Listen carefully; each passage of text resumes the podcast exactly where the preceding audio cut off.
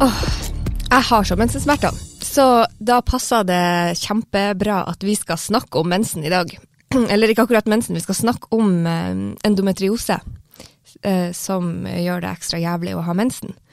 Og jeg har en gjest i studio med meg som eh, har vært igjennom et helsikes behandlingsløp her for nettopp endometriose. Hei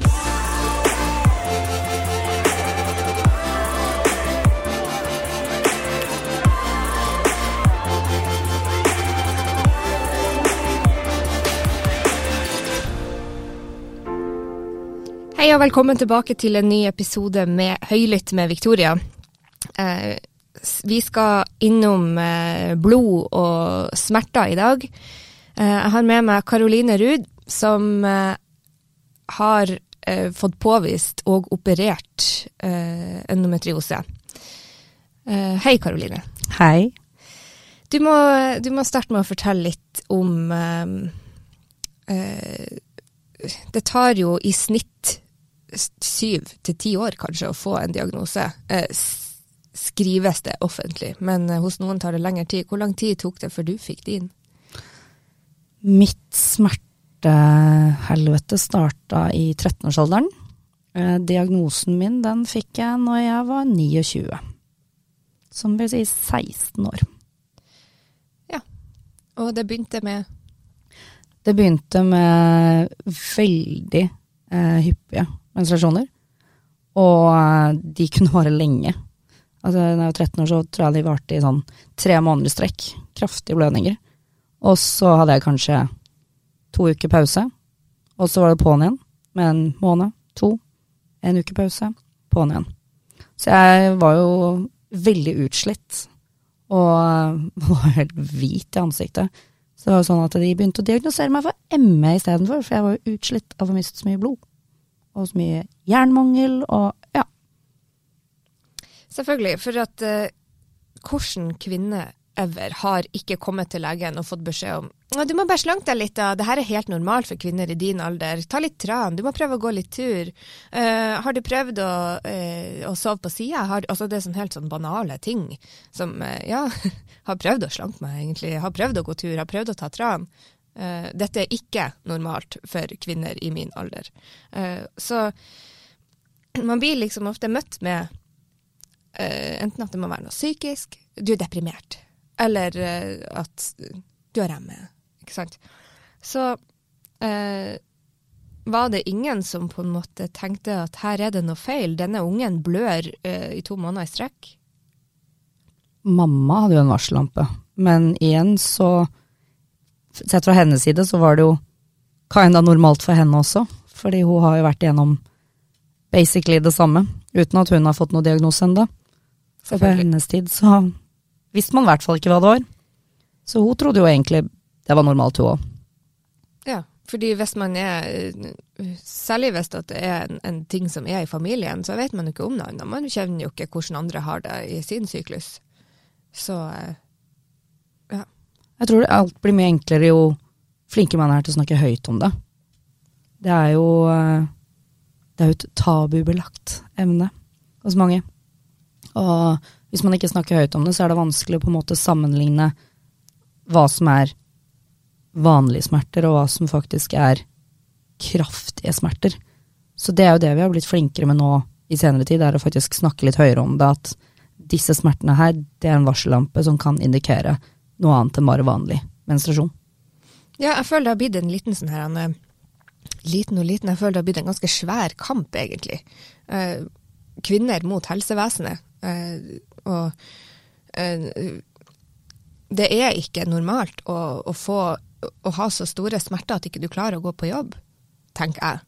Eh, men det er jo så mange som har levd sånn her så lenge, helt til nå når folk begynner å speak up og ja, det er veldig mange. Altså, hvis jeg ser tilbake på 2018, da var jeg jo sengeliggende, basically, konstant.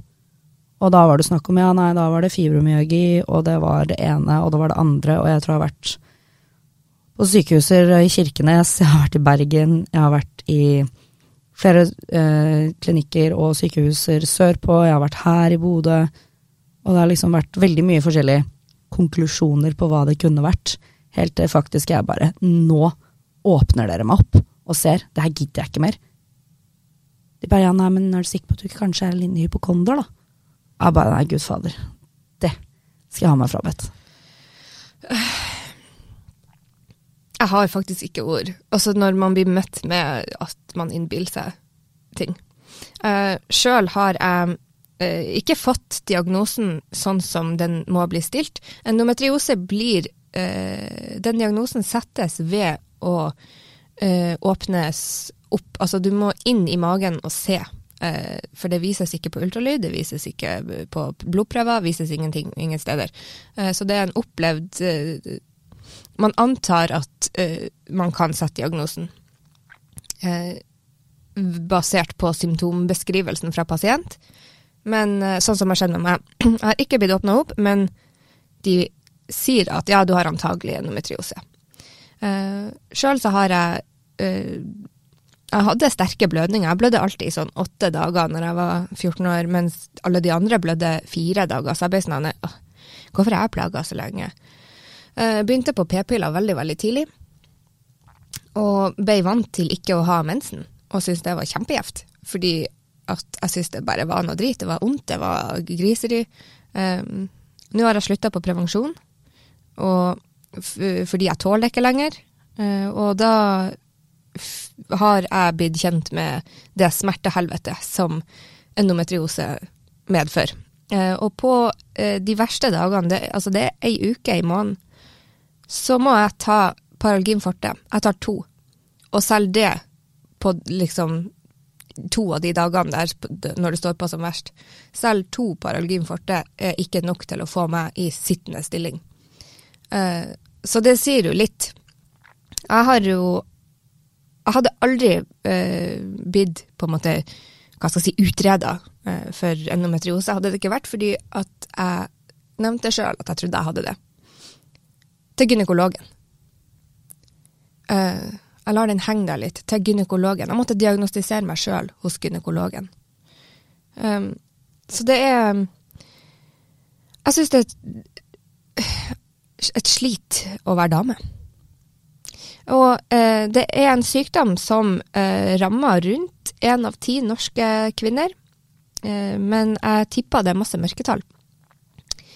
Ja, I hvert fall med tanke på hvor lang tid det tar før noen får diagnose. Mm. Og hadde det for min del, da, eller sikkert mange andre også, bare vært smerter den ene uken, så tror jeg faktisk jeg hadde hoppa i taket av glede. Men for meg og mange andre så er det jo også det at vi får jo smerter. Vi vet når eggløsning er, eller mm. når den skal egentlig eh, ha. For da, da merker jo smertene da også. Ja. Så eh, jeg og baderomsgulvet og varmeflaske, vi er eh, Gode venner, vi. Ja, dere har fått et nært forhold? Veldig. I alle leilighetene jeg har bodd i. Og det som, eh, det som, er litt viktig å si, er jo at endometrioser er å oppleves forskjellig hos alle. Det er ingen som har det likt. Eh, noen har noe som heter adenomyose også, og det er en eh, i familien, holdt på å si, men det er en, en sykdom som gir ekstremt mye blod kraftige blødninger, blant annet. Selv om at det er endometriose som på en måte har vært i vinden, og som media nå skriver mer om, så finnes den også. Og den kommer gjerne Hos noen kommer den begge to samtidig, hånd i hånd. Eh, og det er Jeg kan forklare litt hva endometriose er for de, som, eh, de av lytterne her som ikke er så kjent med det. Det er eh, det endometrievevet som eh, vi har på innsida av livmora. Det er det blir påvirka av hormonene som eggstokkene sender ut. Det er, blir for tykt, for når Ikke for tykt, men det blir tjukkere når egglederne og, og, det her sier ifra om at hei, nå kommer det et egg. Da blir livmorveggen tjukkere, altså endometriavevet fylles opp. Eh, og sånn at det skal bli levelig for det befrukta egget å feste seg der. De som har endometriose, de har altså dette endometrievevet andre steder. På eggstokker, de har det på uh, kan ha det i nesa. Noen kan begynne å blø neseblod. Altså, det er sjeldne tilfeller, men det fins. Karoline peker på seg sjøl og, og eh, Ja, du har mens i nesa, altså. ja, nei, jeg har slitt ganske mye med mye neseblod opp gjennom åra. Og gjerne hvis det er stress også, da kan jeg bare plutselig ut av intet bare pff, Da begynner det å silblø neseblod. Ja. Jeg har egentlig ikke tenkt over det. Jeg sliter jo litt med neseblod, jeg òg. Jeg ble litt forsinka til denne innspillinga fordi jeg sto og blødde neseblod, egentlig. jo, men eh, endometriose kan man finne på bekkenbunn, man kan finne rundt eh, urinblære, urinleder. Eh, man, det finnes også beviser, endelig, høres feil ut å si, men at man faktisk har begynt å utvide søksområdet, så er det faktisk noen som har fått det påvist på lungene. Så du kan få det på veldig mange av kroppens slimhinner, rett og slett. Mm. Og da igjen, nese er jo en form for slimhinne. Ja, og her, eh, disse eh, avspringerne av endometrievev de reagerer også på de hormonene som eggstokkene sender ut og forteller at hei, hei, kommer et egg her, vi vil, eh, vi vil at vevet skal bli tjukkere, sånn at vi kan feste dette egget. Så uh, da begynner jo plutselig uh, det andre vevet å fylle seg opp, det som sitter på urinrør, det som sitter på endetarm, det som sitter på lunger. Det fyller seg også opp. Uh, og så blir ikke egget befrukta, så da fær jo Da sier egglederne, eller eggstokkene ifra om at uh, ja, vi hiver det her, mislykka prosjekt. Uh, og da reagerer jo det andre vevet også på at OK, vi skal begynne å blø nå. Så i bunn og grunn går uh, folk med endometriose rundt med indre blødninger, egentlig. Uh, så vi skal komme litt mer tilbake til hvordan det oppleves, og hvordan hun Karoline har fått behandla det.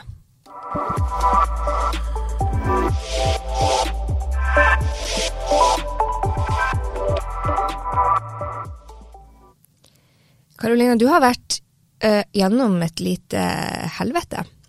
Det er ikke mange ukene siden du ble uh, operert via kikkhull, kikkhullsoperasjon. Uh, som er både behandlinga mot endometriose, og som er den eneste måten å stille diagnosen på. Uh, før det så har Karoline vært i kunstig overgangsalder. hvor gammel er du nå? 31. 31? 31 år, og i overgangsalderen. Du var kanskje 30 da? Ja. Jeg starta da jeg var ja, akkurat fylt 30.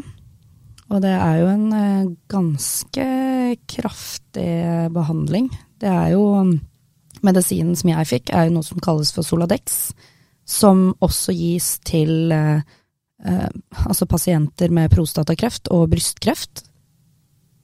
Så det er jo en form for eh, minidosering av cellegift.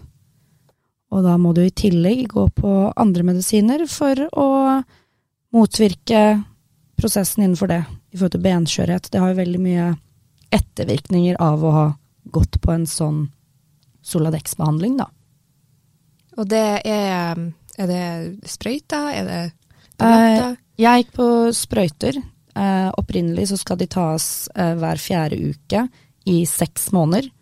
Men i og med at smertene mine fortsatt var såpass høye, så gikk, tok jeg den hver tredje uke i elleve måneder.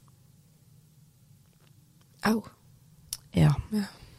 Men jeg skal ærlig innrømme å si nå som jeg er ferdig Jeg var ferdig med overgangsaldermedisineringen eh, i april, for da ble jeg operert 24. april. Og nå driver kroppen og venner seg til det at oi, shit, nå, nå er vi ikke i dvalemodus igjen. Så nå er, jeg er ung igjen. Ja, ja nå, skal, nå skal vi begynne å bli kvitt med tørre slimhinner, svette, kaldsvette, altså alt disse overgangsalderssymptomene har, da. Hormonsvingninger. Så nå begynner jo kroppen å jobbe seg litt imot det. Så selv om man på en måte er operert, så er man ikke frisk, som mange tror. Det er veldig mange som bare 'Å, nei, men kjempebra, Karoline, nå har du fått deg operasjon, nå blir du frisk igjen'. 'Nå er du på beina på null komma niks'. Jeg bare Nei, det, det stemmer ikke. For nå må jeg begynne å deale med smertene igjen. Så eh, jeg kan ikke si at jeg er frisk igjen, men jeg på et sett savner faktisk Soladex-behandlingen. For da kunne jeg deale med kviser, hårvekst, hormonsvingninger og ja, kaldsvette, varmsvette Ja. og alt det der. Nå er det smerten igjen. ja, for det er litt hyggeligere i forhold. Um, Ja, absolutt. ja. Vi, eh, vi må snakke litt om veien til Soladex-behandlinga, fordi at du gikk jo mange omveier for å komme dit. Um, når du eh, endelig fikk uh, stilt på en måte, eller sånn, vi antar at det er endometriose, hvordan har veien da vært? Har du òg gått på masse smertestillende, og hvordan har du blitt møtt etter at det ble nesten bestemt at ja, men vi tror det er det her? Um, vi må egentlig på en måte litt tilbake til 13-årsalderen. Når jeg starta, da var jeg hos uh, gynekolog, uh, og fikk egentlig et veldig dårlig førstegangsmøte med gynekolog. Uh, for da fikk jeg beskjed om at jeg kunne aldri få barn. Så jeg var jo psykisk og fysisk innstilt på at jeg kom ikke til å få barn, så jeg satte livsløpet mitt opp ut ifra det. Og fikk jo da beskjed om å starte på p-piller. Vel å merke, ingen sa til meg at jeg skulle hoppe over mensen. Så jeg fortsatte å ha mensen. Noe som ifølge boka nå er det man ikke skal ha. Det var det ingen som sa. Så kom eh, pandemien, og tenkte ja ja, fader heller. Jeg kan ikke bli gravid uansett, så jeg kan like godt bare slutte på disse p-pillene. For det er en utgift jeg ikke trenger, og når du sitter hjemme i en pandemi i lockdown, så er det ikke akkurat sånn at du trenger å gå på prevensjon uansett. Så um, jeg slutta, og så var jeg da uheldig og ble gravid. Så, men jeg visste ikke at jeg var gravid. Um, jeg falt sammen på jobb og ble sendt til sykehuset. Og de trodde det var blindtarmsbetennelse. Og det var vel egentlig der hjelpen min starta. For da fant jeg ut at det slo ut positivt på graviditetstest. Og ble jo da sendt videre, fordi det var jo såpass tidlig i løpet. Jeg var jo fem uker på vei. Så de trodde det var utenfor livmor. Og da begynte alarmklokkene på sykehuset å ringe. Eller i hvert fall hos noen. Og så gikk det litt tid, så var det vel Jeg var vel inn og ut av sykehuset et par uker der, med fullt av smerter og alt. Helt til jeg da spontanaborterte i uke åtte. Som vil si, da har jeg gått tre uker i smertehelvete. Frem og tilbake, inn og ut av sykehuset, leger, you name it. Og spontanaborterte, og da begynte de å tenke her er det endometrose.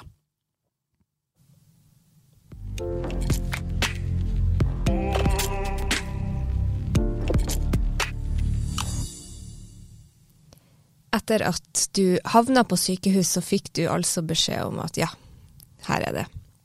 Eh, og hvordan gikk veien videre fra det? Fra etter du spontanaborterte, så hva skjedde så? Etter jeg spontanaborterte, så var det da Det tok ganske lang tid før jeg skjønte egentlig hva kroppen hadde vært igjennom. Eh, for det er ikke bare bare å være igjennom en prosess med en spontanabort. Uh, fysisk eller psykisk. Så når Det her var jo da i september 2020.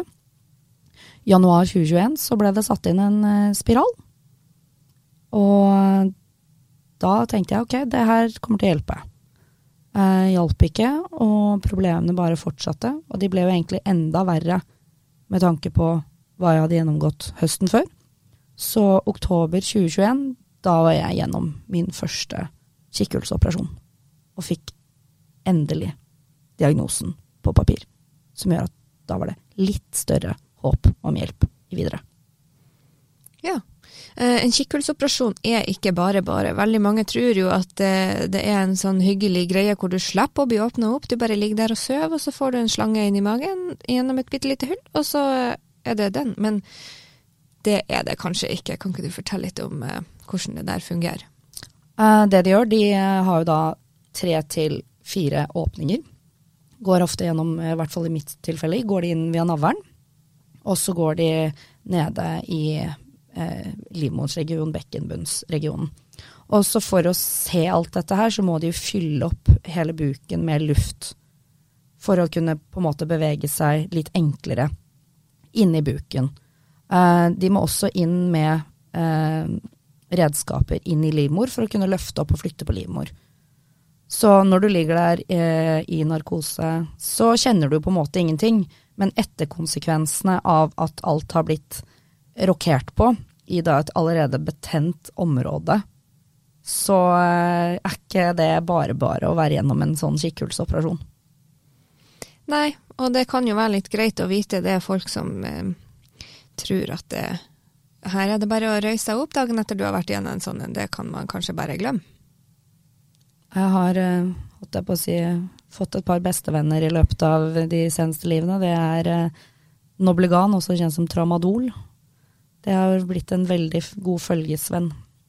Men man må jo være forsiktig med det, så det hender seg i dager at da må du ty til eh, Paracet. Men det hjelper jo ikke. Så det er bare å bite tenna sammen og prøve å smile, for man er jo ikke alltid man møter på forståelse rundt i hverdagen. Så det er ikke bare bare, nei. Nei, vi må komme tilbake til det her med på en måte forståelse fra samfunnet rundt etter hvert. Men uh, du var jo nylig gjennom en operasjon nummer to. Mm. Uh, fra 2021 til nå 2023, våren 2023. Hvordan har det vært? Det har vært veldig rart. Uh, jeg føler egentlig at livet mitt har vært satt veldig på vent. Uh, spesielt under da denne uh, hormonbehandlingen med Soladex. Så var du da da Selvfølgelig fikk jo kjempefin oppfølging av en spesialist fra, som har vært i en mutrosetime på Ullevål, som nå har kommet opp til Nordlandssykehuset. Fantastisk dame. Uh, så jeg føler at jeg virkelig ble tatt i gode hender der. Følte faktisk at jeg endelig ble hørt og tatt vare på av det norske helsevesen. Men det er jo også veldig psykisk belastende, fordi at jeg fikk jo vite at det her skal jeg gå på i seks måneder. Etter det så vet vi ikke helt hva vi går til.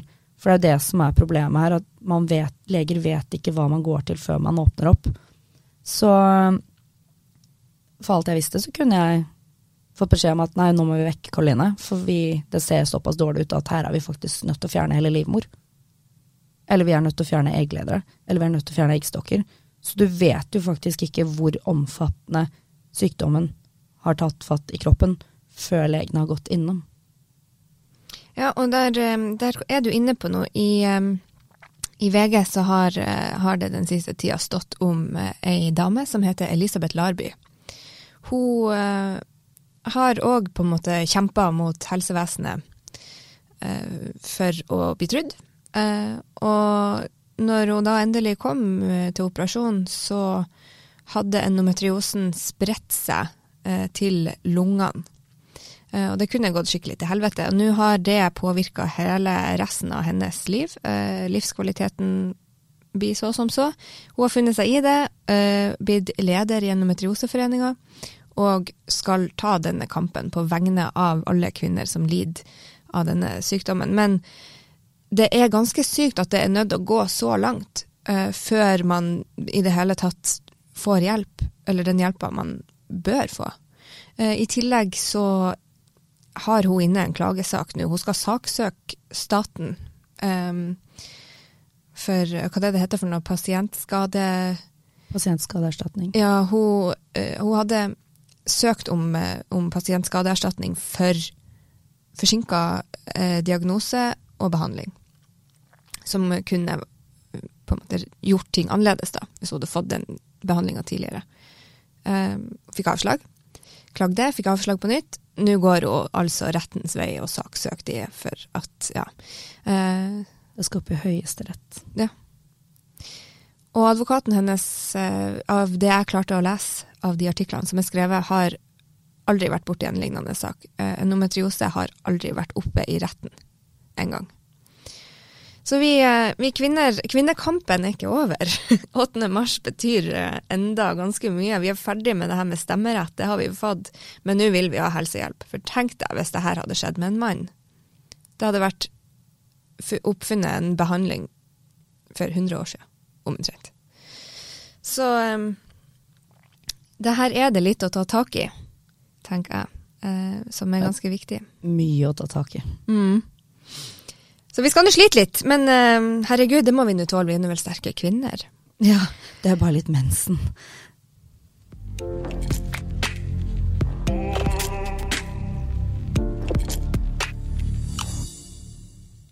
Det er bare litt mensen, sier jo Karoline, og eh, ja. Det kan man jo si hvis man er mann, eksempel. Eh, det er ikke bare mensen, det er mm, helt grusomt. Jeg er så lei av å ha mensen. Jeg må bare si det. jeg må bare si det høyt. Jeg er fette lei av å ha mensen. Men um, ja, sånn er det. Det må vi ha.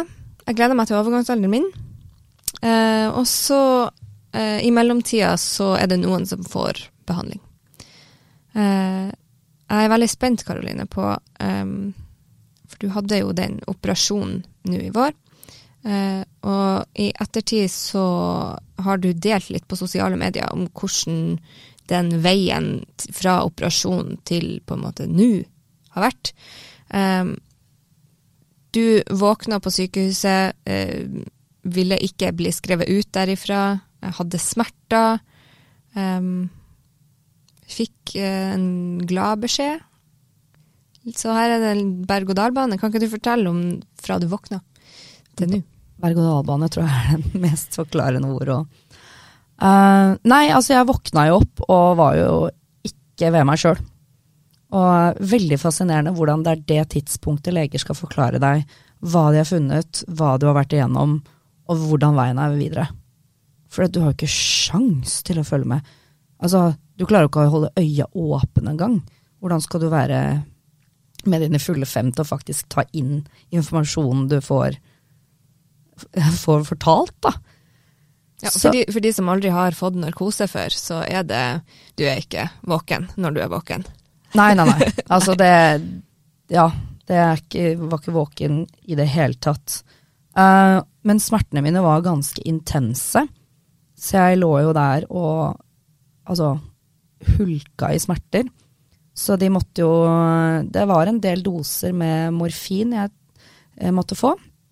Uh, og så var ikke det tilstrekkelig nok for å ta knekken på smertene mine, for de var uutholdelige. Så da, etter samtlige doser med morfin, så ble det da eh, konkludert med at her måtte vi sette inn en såkalt spinal. Uh, spinal er jo da en bedøvelse som går direkte inn i ryggraden, som da injiseres via en nål som da gjør at eh, du mister følelsen og bevegelsen og egentlig blir eh, paralysert fra korsryggen og ned, til da denne bedøvelsen er ute av systemet. Selv da så var det jo fortsatt smerter, for det gikk jo bare fra korsryggen og ned, så jeg hadde jo fortsatt smertene øvre del av magen, for du blir jo tross alt fylt med luft, så du får jo også eh, lufttrykksmerter helt opp i skuldrene og spesielt på høyresiden. Så det var jo smerter jeg eh, måtte kjenne med. Så jeg fikk ikke i meg mat, for jeg kasta opp av smerter. Nice. Mm. Det er bare mensen. det er bare mensen. Mm. Tross alt. ja. Um, ja. Mens du, eh, mens du, var på sykehuset, så um, fikk du jo òg beskjed om at den um, Soladex-behandlinga hadde hjulpet en del. Mm. Hvordan da? Nei, altså ideelt sett så har det jo vært sånn at de, den Soladex-behandlingen den skal tas i seks måneder. Uh, for det er på en måte da forskningsspekteret uh, har vært. Uh, så vi tok jo kanskje en litt sånn risiko ved å prøve å beholde meg på den uh, Soladex-behandlingen i elleve måneder. resultatet av det var jo egentlig veldig bra. For jeg var faktisk helt ærlig sikker på at min livmor, den fikk ikke jeg ta med meg videre i livet etter den operasjonen. Så jeg hadde sagt opp leilighet og klar for å flytte hjem til mamma og pappa for en periode for å ha en hånd å holde i. Eh, det trengte jeg ikke, for eh, den livmora den fikk jeg beholde, så det var jo sånn sett en veldig gledelig nyhet å våkne opp til. Selv om det tok et par dager før jeg egentlig skjønte hva jeg hadde fått beskjed om. Så eh, ja, det var berg-og-dal-bane, rett og slett. Mye følelser. Og så blir du i all den smerter, nei, altså medisinrusen, du klarer jo ikke kjenne på følelser heller. Så det var jo først når jeg ble skrevet ut og kom hjem og morfinen begynte å gå ut av kroppen, at jeg begynte å ta fatt i tårene og skjønne ok, shit, du har fått beholde livmora di. Og det høres veldig banalt og enkelt ut når jeg forklarer det. For jeg vel, snakker veldig åpent om ting, men jeg tror ikke folk klarer å sette seg helt inn i hvor mye tanker og følelser som ligger bak det å kunne si det også, da. Eh, For jeg har jo som sagt snakket mye om det, og jeg kan vel kanskje for noen få det til å høres veldig enkelt ut med endometriose, men det er det absolutt ikke. Men jeg vil også gi endometriose et litt mer hverdagslig samtaleemne. Det er derfor jeg snakker høyt om det. For at kanskje andre kan snappe opp eh, likheter i forhold til eh, smertesymptomene, eller eh, altså andre symptomer, da. Mm. Og det er jo litt, som jeg var inne på tidligere, det er det kan oppleves veldig forskjellig, og noen går faktisk gjennom et helt liv uten å merke noen ting, men fortsatt har endometriose. Eh, Og noen, noen det intenst fra tenårings fra pubertet. Noen eh, får en forverring etter en graviditet. Noen får en forbedring etter en graviditet. Eh, det er veldig, veldig forskjellig. Eh, så det finnes egentlig ingen reell sånn du må sjekke på disse tre for å kunne ha diagnosen. Det kan være ganske mye forskjellig. Eh, jeg vet ikke om du har flere, flere venner som har endometriose, som du har prata med om det? Jeg har flere venner som har endometriose, og jeg merker også at jo mer åpen jeg har vært om det, så har det vært veldig mange som har tatt kontakt med meg for å spørre ok, men hvordan kjennes smertene ut? Er det sånn, eller er det sånn? Eh, hvordan symptomer er det? Eh, så jeg har vært veldig åpen om å fortelle om at ja, eh, du kan Nå har jo i og for seg jeg også eh, de to andre søstrene til endometriose, andemiose og PCOS. Og du har PCOS òg? Ja, Ja. tok med meg hele søskengjengen, jeg. Holder ikke med igjen.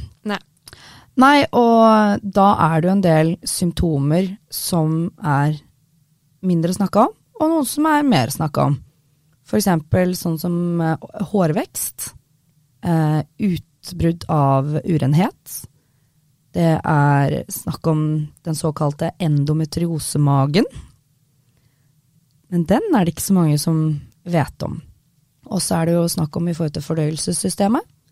Det er jo veldig mange som kanskje har fått diagnosen IBS, som kanskje burde vært seg en ekstra tur hos legen og sagt at hei, kanskje jeg har noe mer, hvis man kjenner igjen symptomene til endometriose også. Ja, altså, jeg skal si det rett ut. Mensen medfører ikke bare smerter, det medfører diaré, forstoppelse. Det kjennes ut som jeg har urinveisinfeksjon når jeg tisser. Det kjennes ut som jeg har en alvorlig tarminfeksjon når jeg går andre veien. Um, for de av eh, dere som ikke har fulgt med på hvor åpen jeg er, så har jeg, har jeg stilt opp i avisa før med Eh, jeg skulle få en avføringstransplantasjon fordi jeg hadde en bakterieinfeksjon som heter clostridium difficile. Eh, det er da altså antibiotika som har tatt knekken på gode bakterier i tarmen, sånn at eh, det kjentes faktisk ut som jeg spydde bare feil vei. Eh, åtte ganger i timen, det var helt jævlig. Jeg ble lagt inn på sykehus, skreik meg til avføringstransplantasjon. Um, sånn gikk jeg i tre måneder. Eh, men når jeg har mensen, så er det sånn ei uke.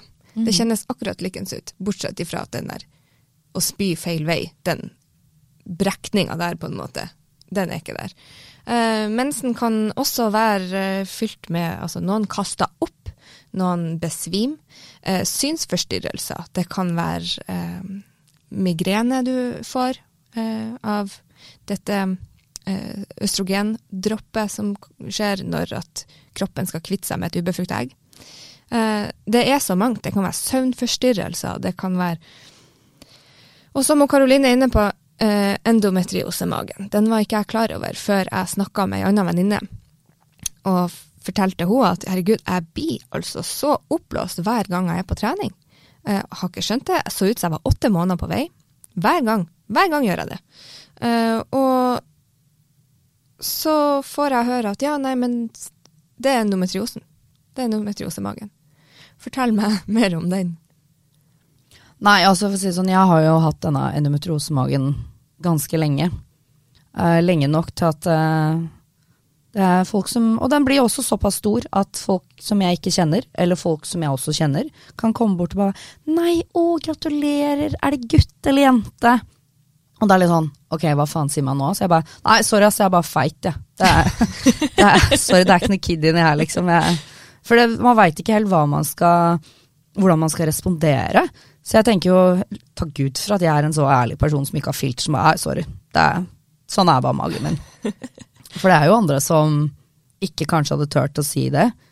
Og i hvert fall med tanke på at det er synonymt med det faktum at har du endometrose, så er oddsen ganske lav for at du kan få barn. Så det stikker jo ganske godt i sjela hvis man får høre det ofte nok. Så det er derfor jeg tenker det er veldig viktig å belyse akkurat det feltet med endometriosemage.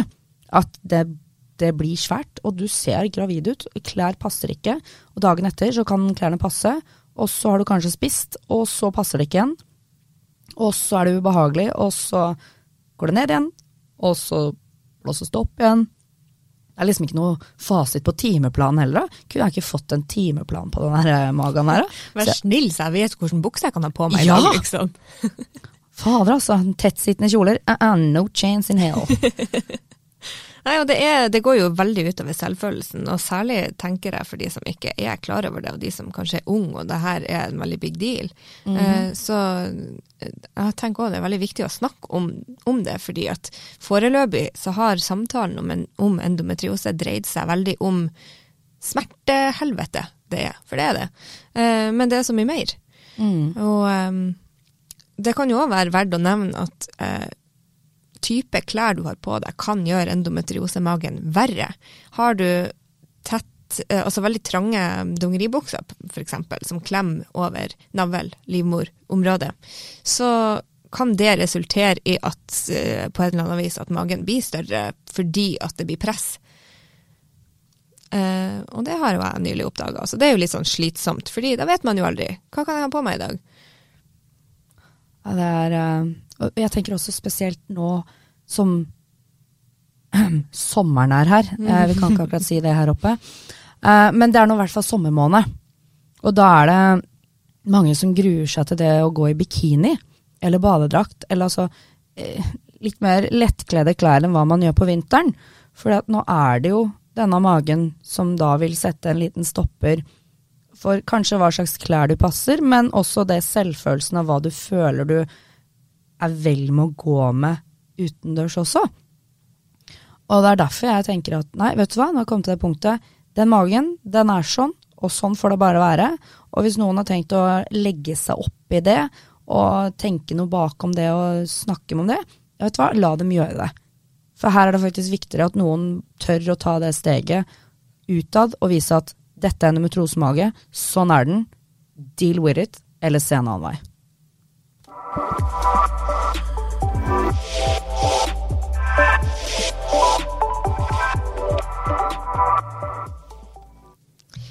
Det er, jeg tenkte jeg skulle komme med en anbefaling her til eh, lytterne som eh, hører på nå. Eh, på Facebook så er det ei gruppe som er lagd av eh, ei med endometriose.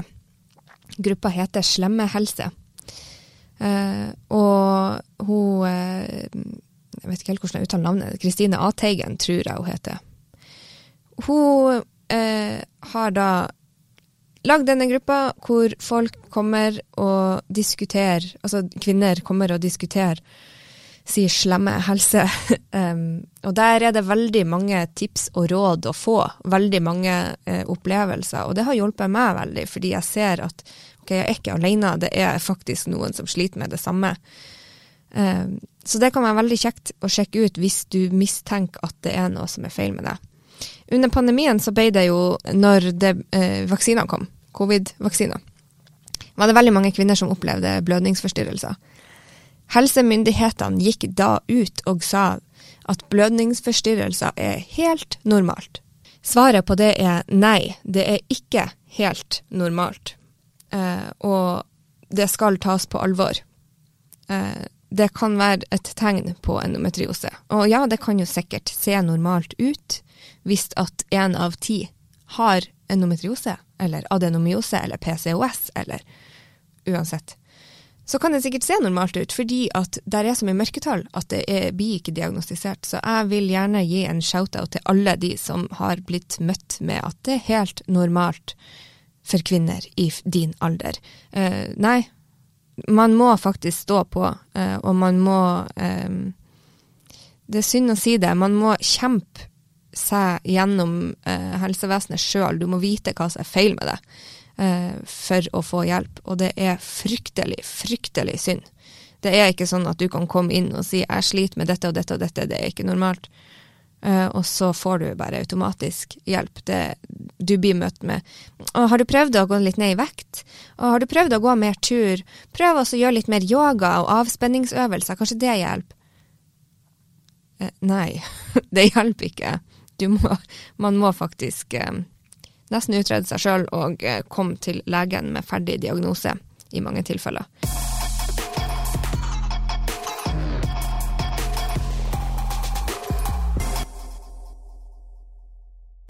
hvordan er veien videre med tanke på prevensjon som skal stoppe mensen? Det kan jeg jo også si. Eh, målet, behandlinga som vi møter eh, i helsevesenet, er jo hormonell prevensjon, fordi at det er best hvis mensen stoppes. Fordi da uh, får ikke endometriosen utvikla seg like heftig. Uh, så uh, hormonell prevensjon blir ofte en behandling med de bivirkningene det medfører. Hvordan ser veien videre ut for deg nå, Karoline? Um, ja, nå har jeg hatt denne spiralen siden jeg satte den inn i januar 2021. Um, og det er det vi har konkludert med at vi skal prøve ut, og håper at det skal være tilstrekkelig nok eh, medisin for at det ikke skal videre vekst. Så jeg har jo hatt eh, håpet oppe. Eh, men skal jeg være helt ærlig, så satt jeg faktisk hos legen min på mandag og uh, hylgråt. Uh, fordi at jeg har begynt å få tilbake smertene. Og det er ikke bare litt heller, men jeg har begynt å komme tilbake til smertehelvete jeg måtte deale med tidligere. Så skal jeg være helt ærlig, så vet jeg ikke hvordan fremtiden min ser ut. For jeg føler at jeg, jeg går tre steg frem, to steg tilbake, ett steg frem, to steg tilbake. Så jeg vet ikke. Og jeg føler jeg er bare drittlei av at livet skal være på vent. Uh, ja, faen heller, altså. Kan ikke jeg snart få tilbake livet mitt og gjøre akkurat det jeg vil, delta på det jeg vil, jobbe så mye jeg vil, og ikke bare nei, faen, i dag kan vi ikke gjøre det, for i dag gjør det vondt, så da må vi holde senga. Det er jo ikke noe fast timeplan lenger, så det er ingenting å forholde seg til. det er sinnssykt frustrerende. Hvordan um, blir du møtt av samfunnet rundt? Uh, for det er jo Dessverre er det veldig vanskelig å forstå for folk som tenker det er jo bare mensen. Uh, så er det jo veldig vanskelig for dem å forstå at nei, men og Karoline kan ikke jobbe i dag. Eller nei, og Victoria kan faktisk bare skrive én sak, hun kan ikke skrive ti. Uh, det, det, forstår de ikke, fordi at det, når de ser at det er dager jeg leverer ti saker, så tror de jo at det går an. Um, noen dager må jeg være hjemme fra jobb og, og på grunn av mensen, og da sitter folk der gjerne og er litt sånn Det er jo bare mensen. Men ja, hvordan har du blitt uh, møtt av samfunnet rundt? Jeg tror veldig mange tar litt sånn lett på det, men det kan jo også kanskje skyldes litt på meg selv, da. At jeg er veldig åpen om det. Og så er det ikke alt jeg trenger å dele med alle heller, for det er ikke alle som er interessert i å høre det. Så jeg, og så vil jeg ikke være hun derre sutrefitta som går og bare Nei, jeg kan ikke det, jeg har vondt. Nei, det går ikke, jeg. Jeg skjønner akkurat hva du mener. Fordi at da blir du ikke invitert med på ting til slutt. For det er sånn, ja nei, det er ikke noe vits i å invitere Karoline, for hun, hun kan jo ikke. Hun har jo vondt. Hun ligger jo hjemme, så det er ikke noe vits i å invitere. Heldigvis for meg så har jeg såpass gode venner rundt meg som selv om de vet at jeg kanskje har vondt og at jeg har hatt en helt jævlig dag, så er det sånn ja, men vi skal det, vil du være med? Og da får jeg heller ta stilling til at ok, men vet du hva, da prøver jeg, og så blir jeg med litt, eller finner ut at jeg kan ikke. Og så har også vennene rundt meg og familie blitt mye flinkere til å planlegge god tid i forvei.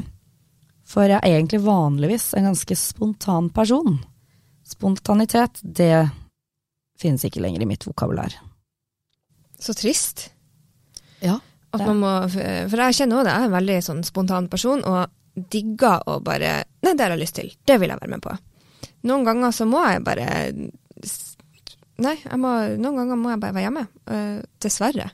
Uh, og det er veldig kjedelig. Og utrolig kjedelig når man må legge om en del av den man er, for å tilpasse forbanna mensen. mm. Nei, det er dritkjipt, faktisk. Uh, og så er det Det er såpass lite forska på, føler jeg, da, at det Eller det, er, det snakkes ikke høyt nok om, så det er fortsatt veldig mange der ute som ikke vet hva endometriose er, og hva det faktisk gjør med de som har det. Og da blir forståelsen også veldig lite tilstedeværende. Uh, for det er sånn Ja, men nå er du ferdig med det, så nå er du frisk. Nei, det er en kronisk sykdom. Jeg er nødt til å deale med det her resten av mitt liv. Det her er min nye hverdag. Så det, vi må sammen adapte hverdagen rundt det. Og da må man ha en viss forståelse fra de man møter også, at jeg kan ikke gjøre det her i dag. Jeg, og det kan være perioder hvor det er kjempebra, hvor man kan prestere dritgodt. Og perioder hvor man ikke kan prestere i det hele tatt. Og som du òg var inne på i stad, så er det jo ikke bare de her eh, tre til fem dagene rundt eh, første menstruasjonsdag som er problemet. Vi kjenner når eggløsninga er der. Eh, det gjør vondt. Eh, vi blir påvirka i, i mage-tarmregionen av alle disse hormonsvingningene. Og det er, som du var inne på, en betennelsestilstand som er konstant. Så smertene kan være der, og utmattelsen kan være der, selv om at du egentlig er ferdig med mensen og ting skal egentlig være veldig bra. Så eh, da er det jo gjerne hvis man skal være med og arrangere en overraskelsesbursdag, eller hvis man skal være med og, og arrangere et eller annet sosialt, eh, eller være med og planlegge et prosjekt eller et eller annet, så kan man jo òg bli møtt med at eh, ja, det her er ikke godt nok. Det her må du gjøre bedre. Eller sånn. Ja, skal du være borte i dag òg? Eh, det er veldig kjipt, eh, fordi man har Det er ikke viljen det står på, det er ikke lysta og, og på en måte ferdighetene heller. Det er rett og slett man blir bare så sliten. Ja, altså er du, Når man har hatt det her sykdommen såpass stund, så blir man jo ganske godt kjent med sin egen kropp. For som du har nevnt tidligere, man må være sin egen lege og komme med diagnosene til sine egne leger og gynekologer. Så jeg kan jo faktisk merke når jeg har en syste på eggstokkene. Jeg kommer til gynekologen og sier du, nå har jeg en syste på høyre eggstokk. Uh, den har nok vært der en stund. Og legen er sånn ok, hvordan merker du det? Og inn med ultralyden og bare ja, det stemmer, her har du syste på høyre eggstokk. Eller så er det sånn ja, nei, du, nå har jeg hatt en syste på venstre eggstokk, men den har sprukket. Så nå vil du finne væske i buken. Og det er jo helt absurd at du skal fortelle legen at nå har du gått med en syste, eller nå har den sprukket. Det er jo ganske sykt ja. at du kan kjenne det. Ja, jeg kjenner det, så jeg vet jo det at ok, nå har jeg hatt eggløsning, nå, nå kommer det en syste. Og så merker jeg at den vokser, og så er det sånn ok, shit, nå har ikke den sprukket på tre uker, da begynner den å bli ganske stor. Da veit jeg ok, nå, nå, begynner snart smerten å komme, og da må jeg planlegge ut ifra det. For når de sprekker uh, Jeg tror ikke folk engang vet hvor mye smerte det er før man har uh, opplevd det selv. Da det finnes ikke ord. Da er det tårer, og det er bit i puta, og det er fosterstilling. Og det er altså I det verste så er jeg nødt til å gå rundt. For det, det, er bedre å gå, og så må jeg bøye meg ned, for da er det bedre. Eller så er det en dag som er bedre med fosterstilling. Du vet ikke. Åh, det gikk kaldt over graden. Jeg tror akkurat det som det du beskriver nå for oss med livmor, er det samme som hvis du, si, hvis du begynner å snakke med, til en mann om å bli slått i ballene. For da kjenner de igjen med en gang sånn Yes! Mm. Eh, den der Eh, smerten der. Eh, Nå har de jo funnet ut at endelig at mensensmerter er verre enn et hjerteinfarkt. Og det er vanlige, det er liksom den gjengse oppfatninga av mensensmerter. Så for de som ikke bare har endometriose, men som i Karoline sitt tilfelle adenomyose og PCOS, det er jo bare, det er bare det, Jeg har faktisk ikke ord fordi at det må være helt forferdelig.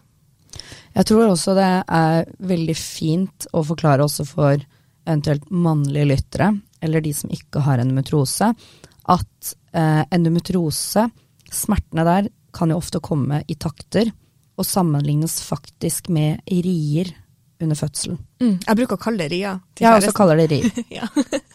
Når jeg ringer til legen bare du, nå, nå har riene begynt igjen, nå er de takter, og så er det kanskje to minutters rier, og så er heldig, og så er det plutselig 15 minutter pause, og så er det 15 minutter med rier, og så er det kanskje tre timer pause, så er det på'n igjen. Så det, det, heller har ikke noen timeplan. Fordømmer av det livmor, altså. Livet med livmor, det skal ja. ikke være enkelt.